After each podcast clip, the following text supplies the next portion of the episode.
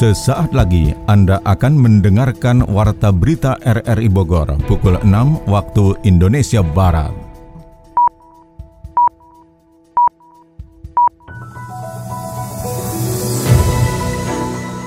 Selamat pagi. Saudara kita bersua kembali lewat Warta Berita Senin 5 April 2021. Siaran ini juga dapat Anda dengarkan melalui audio streaming RRI Play dan juga bisa Anda dengarkan kembali melalui podcast kami di Spotify, Anchor, Podtail, dan Google Podcast. Warta berita RRI Bogor ini juga turut disiarkan Radio Tegar Beriman Kabupaten Bogor. Berikut kami sampaikan berita utama. Vaksin COVID-19 sangat terbatas, pembelajaran tatap muka di semua sekolah Kabupaten Bogor membutuhkan waktu lebih lama. Kalau tenaga, fasilitasnya sudah banyak yang minta, tapi vaksinnya yang belum mencukupi. Jadi kita juga minta disesuaikan dengan jumlah penduduk ya. Pengamat ekonomi Syafi'i Antonio mendesak pemerintah agar mengintervensi langsung pemulihan ekonomi yang pro dunia usaha berbasis kemasyarakatan. Di hari-hari COVID ini harusnya semua perizinan, semua hambatan-hambatan birokrasi itu dipangkas. Bersama saya Mukhlis Abdillah, inilah Warta Berita selengkapnya.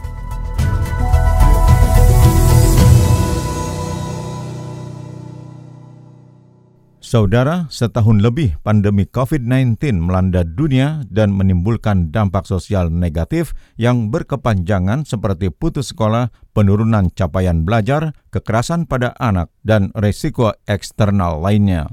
Mendikbud Nadim Anwar Makarim pada pengumuman SKB 4 Menteri yakni Mendikbud, Mendagri, Menkes, dan Menag tentang panduan penyelenggaraan pembelajaran pada masa pandemi COVID-19 menyebutkan prinsip yang menjadi pertimbangan utama dalam penyelenggaraan pendidikan selama pandemi COVID-19 adalah kesehatan, keselamatan, tumbuh kembang, dan hak anak.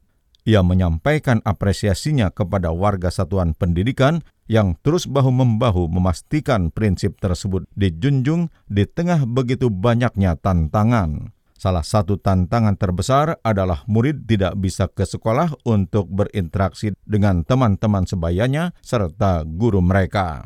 Manfaat pembelajaran tatap muka pada kenyataannya memang sulit untuk digantikan dengan pembelajaran jarak jauh.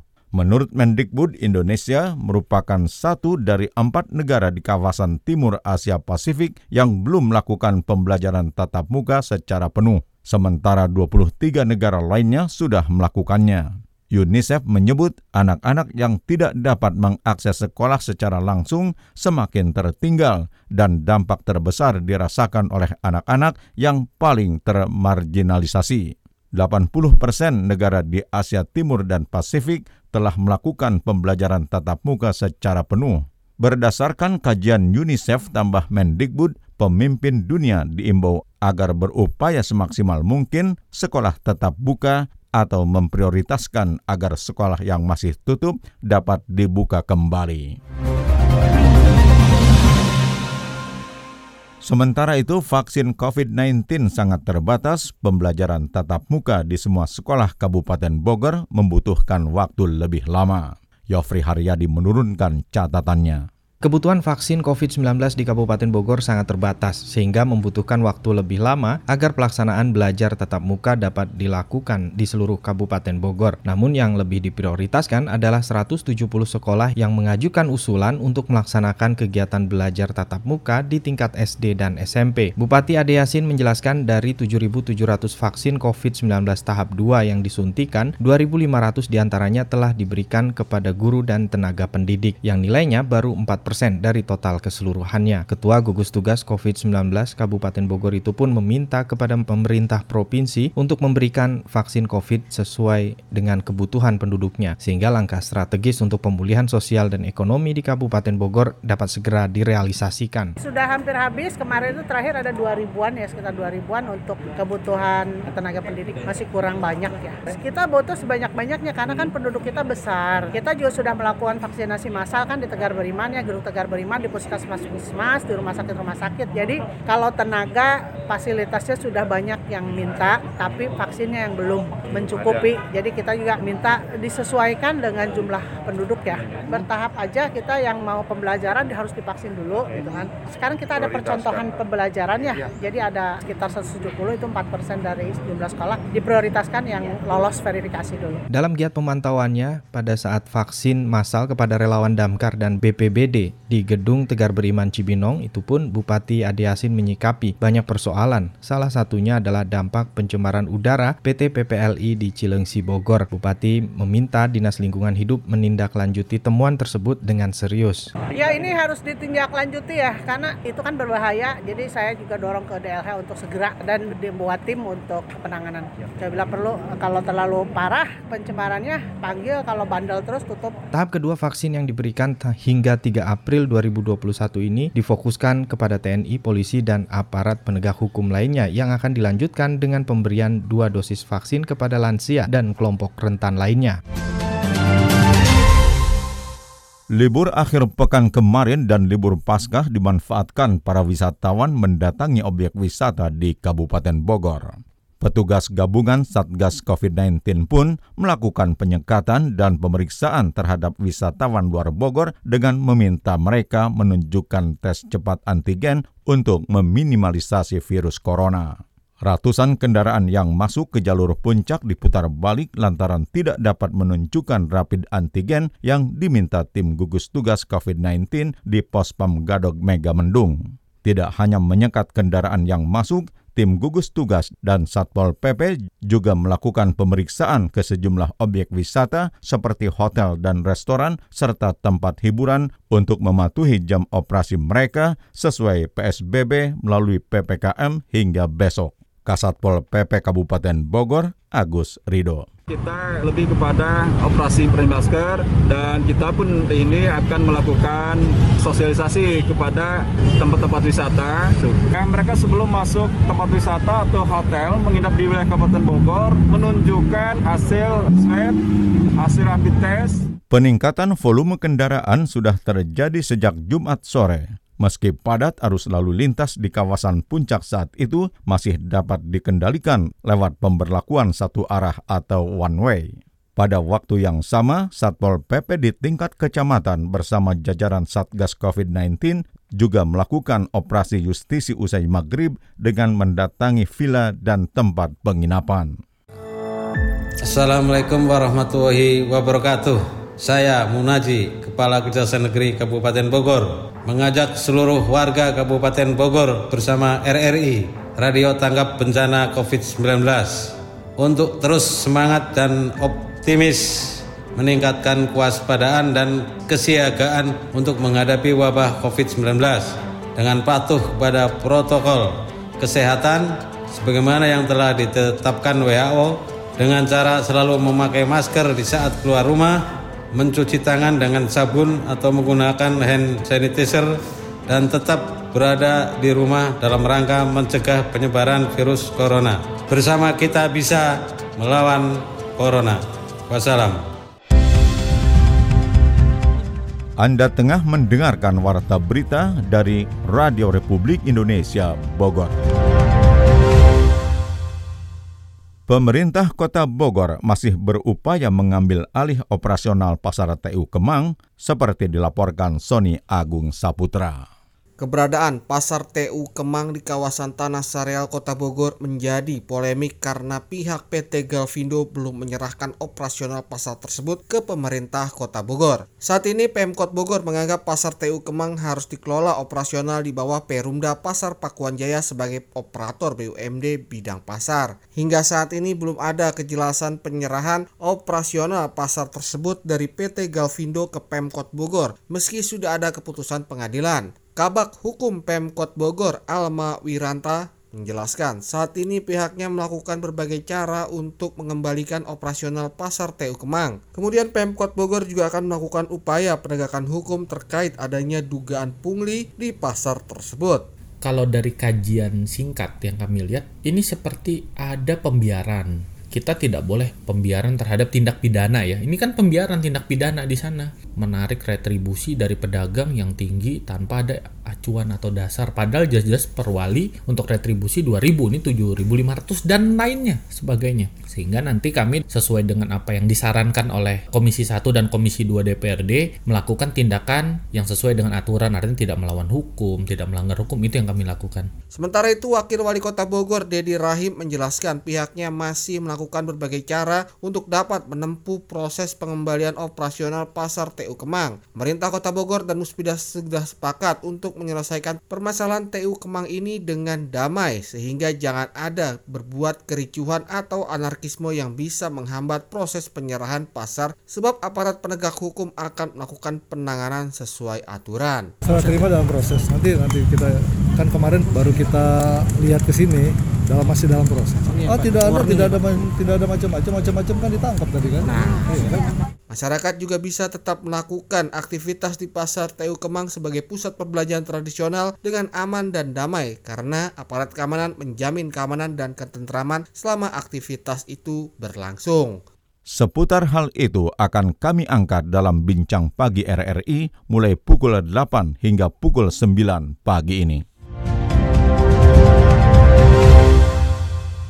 Kota Bogor menjadi satu-satunya kota di Indonesia yang mencatatkan dan mendeklarasikan visinya sebagai kota ramah untuk keluarga. Wali Kota Bogor Bima Arya pada pencanangan pendataan keluarga Jawa Barat 2021 secara Zoom meeting awal April ini mengaku kota Bogor adalah kota yang merasa paling bahagia, diuntungkan dan mendapat manfaat dengan kegiatan indikator pendataan keluarga tersebut yang berlangsung mulai 1 April hingga 31 Mei mendatang.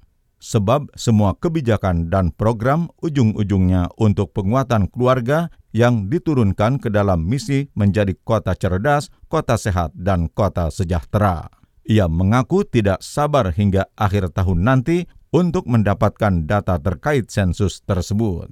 Bukan saja indikator kependudukan secara umum dan juga indikator keluarga berencana, tetapi yang sangat ditunggu pihaknya ujar Bima adalah indikator pembangunan keluarga. Dari data pembangunan keluarga itulah Pemkot Bogor akan merujuk dan mengambil berbagai macam data untuk perumusan kebijakan ke depan.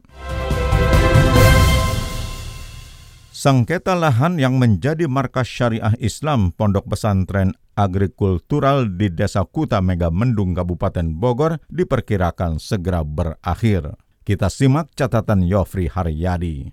Sengketa lahan 30,91 hektar yang dijadikan markas syariah Islam Pondok Pesantren Agrokultural di Desa Kuta, Kecamatan Megamendung, Kabupaten Bogor akan segera berakhir. Proses hukum yang diawali dengan somasi oleh Direktur PTPN 8 itu pun masih berproses di pengadilan sejak dilayangkannya somasi pada 18 Desember lalu. Dijelaskan manajer PTPN 8 Gunung Mas Teguh Megantara, lahan yang kini dipakai oleh Pondok Pesantren Agrokultural berada di level 2 dari 5 afdeling atau pembagian manajemen perkebunan yang dipimpinnya itu. Bahkan seluruh dokumen peralihan hak yang dilakukan sama sekali tidak melibatkan PTPN 8 di dalamnya, melainkan hanya melibatkan pihak pertama dengan petani penggarap. Sehingga upaya hukum yang dilakukan oleh pihak tergugat dalam somasi PTPN 8 akan berakhir pada penerbitan HGU oleh PTPN setempat dan seandainya dari berkas gugatan balik yang diajukan berupa bagian dari sertifikat hak milik dipastikan abal-abal. PTPN 8 Gunung Mas memiliki aset 1600 23 hektar yang terbagi dalam 5 afdeling atau pembagian manajemen perkebunan. Dua afdeling di Gunung Mas dan sisanya ada di bawahnya meliputi Citeko, Cisarua, dan Megamendung. Sekarang momentumnya seperti ini, tahu sendiri kan masalah Makassariah itu kan. Mereka minta keadilan. Kalau mereka diperlakukan seperti itu, mereka juga nuntut yang lain seperti sama. Akhirnya saya minta ke direksi, Pak, kita ke sana kesempatan momentum untuk penguasaan kembali lahan haji UPTPN apa di Gunung Mas yang diokupasi Jadi klaim mereka membeli itu tidak berdasar ya? Tidak berdasar. Sok cek mah nggak alasannya mana gitu hmm. kan kalau mau beli lahan kan harusnya dicek dulu kan warkahnya kronologis sejarahnya itu dari mana semuanya pasti mentok ke HGU semua gitu jadi nggak bisa mereka mau sertifikat hmm. kalaupun ada sertifikat abal-abal ya. saya bisa pastikan abal-abal lokasi yang menjadi pondok pesantren tersebut berada pada sertifikat HGU nomor 299 yang dikeluarkan pada 4 Juli 2008. Dari keterangan yang dimiliki PTPN 8 itu pun diketahui apabila tanah tersebut digarap oleh masyarakat sekitar belum lebih dari 20 tahun. Sehingga jika dibenturkan dengan Undang-Undang Agraria Nomor 5 Tahun 1960 tidak mungkin dapat diterbitkan sertifikat hak milik oleh PPN sehingga klaim ada bidang tanah yang telah bersertifikat hak milik tidak berdasar.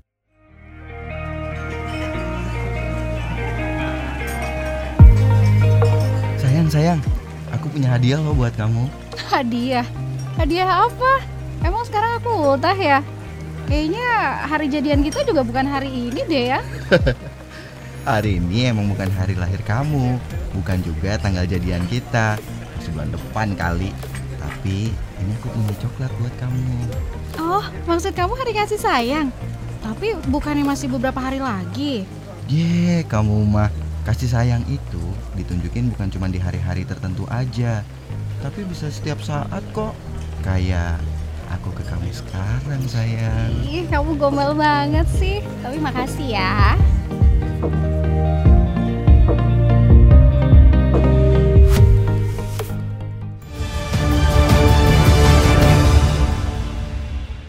Satpol PP Kota Bogor kini mendapat tambahan tenaga baru sebanyak 57 orang hasil rekrutmen beberapa waktu lalu.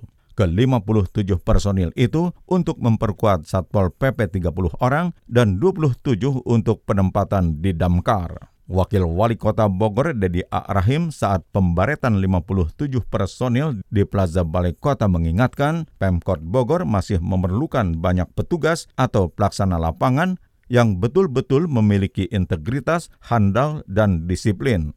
Oleh karena itu, ia meminta mereka dapat melaksanakan tugas dengan penuh tanggung jawab serta kecintaan pada profesi dan patuh serta taat pada pimpinan.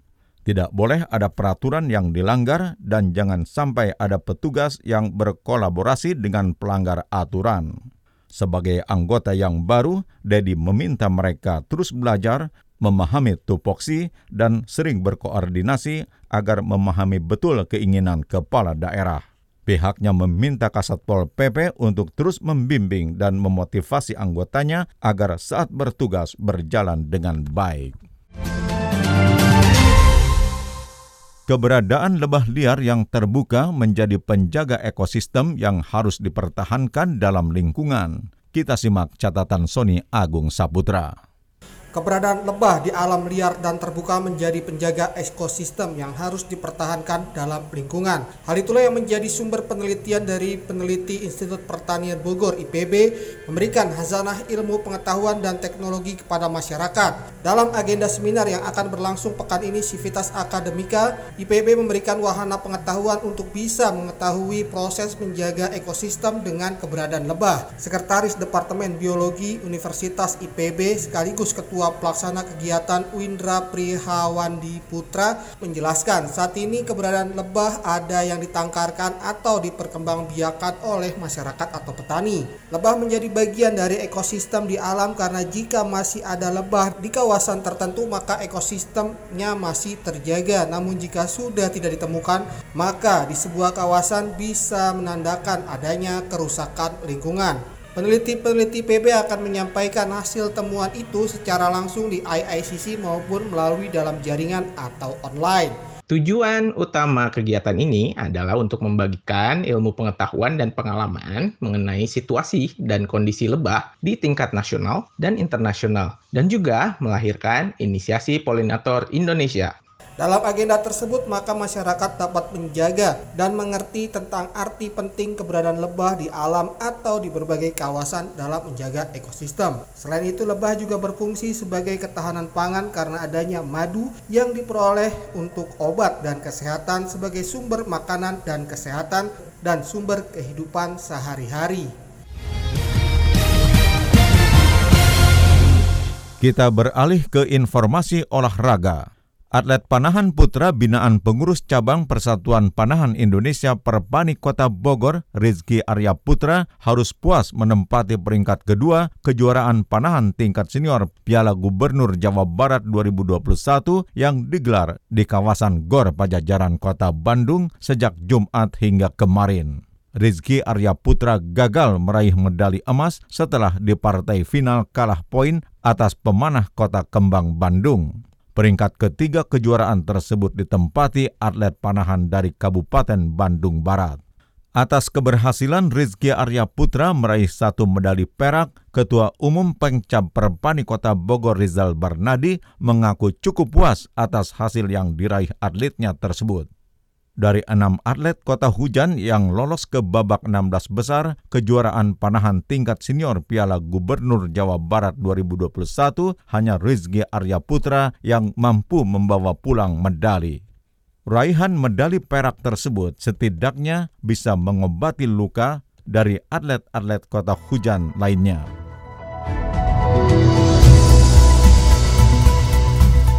Saudara, informasi olahraga tadi sekaligus mengakhiri warta berita pagi ini. Sekali lagi kami sampaikan berita utama. Vaksin COVID-19 sangat terbatas, pembelajaran tatap muka di semua sekolah Kabupaten Bogor membutuhkan waktu lebih lama. Pengamat ekonomi Syafi'i Antonio mendesak pemerintah agar mengintervensi langsung pemulihan ekonomi yang pro dunia usaha berbasis kemasyarakatan. Siaran ini dapat Anda dengarkan kembali melalui podcast kami di Spotify, Anchor Podtail, dan Google Podcast. Saya Mukhlis Abdillah menangkap Desk Editor bersama penata teknik Mahdi Nur mengucapkan terima kasih atas kebersamaan Anda. Selamat pagi.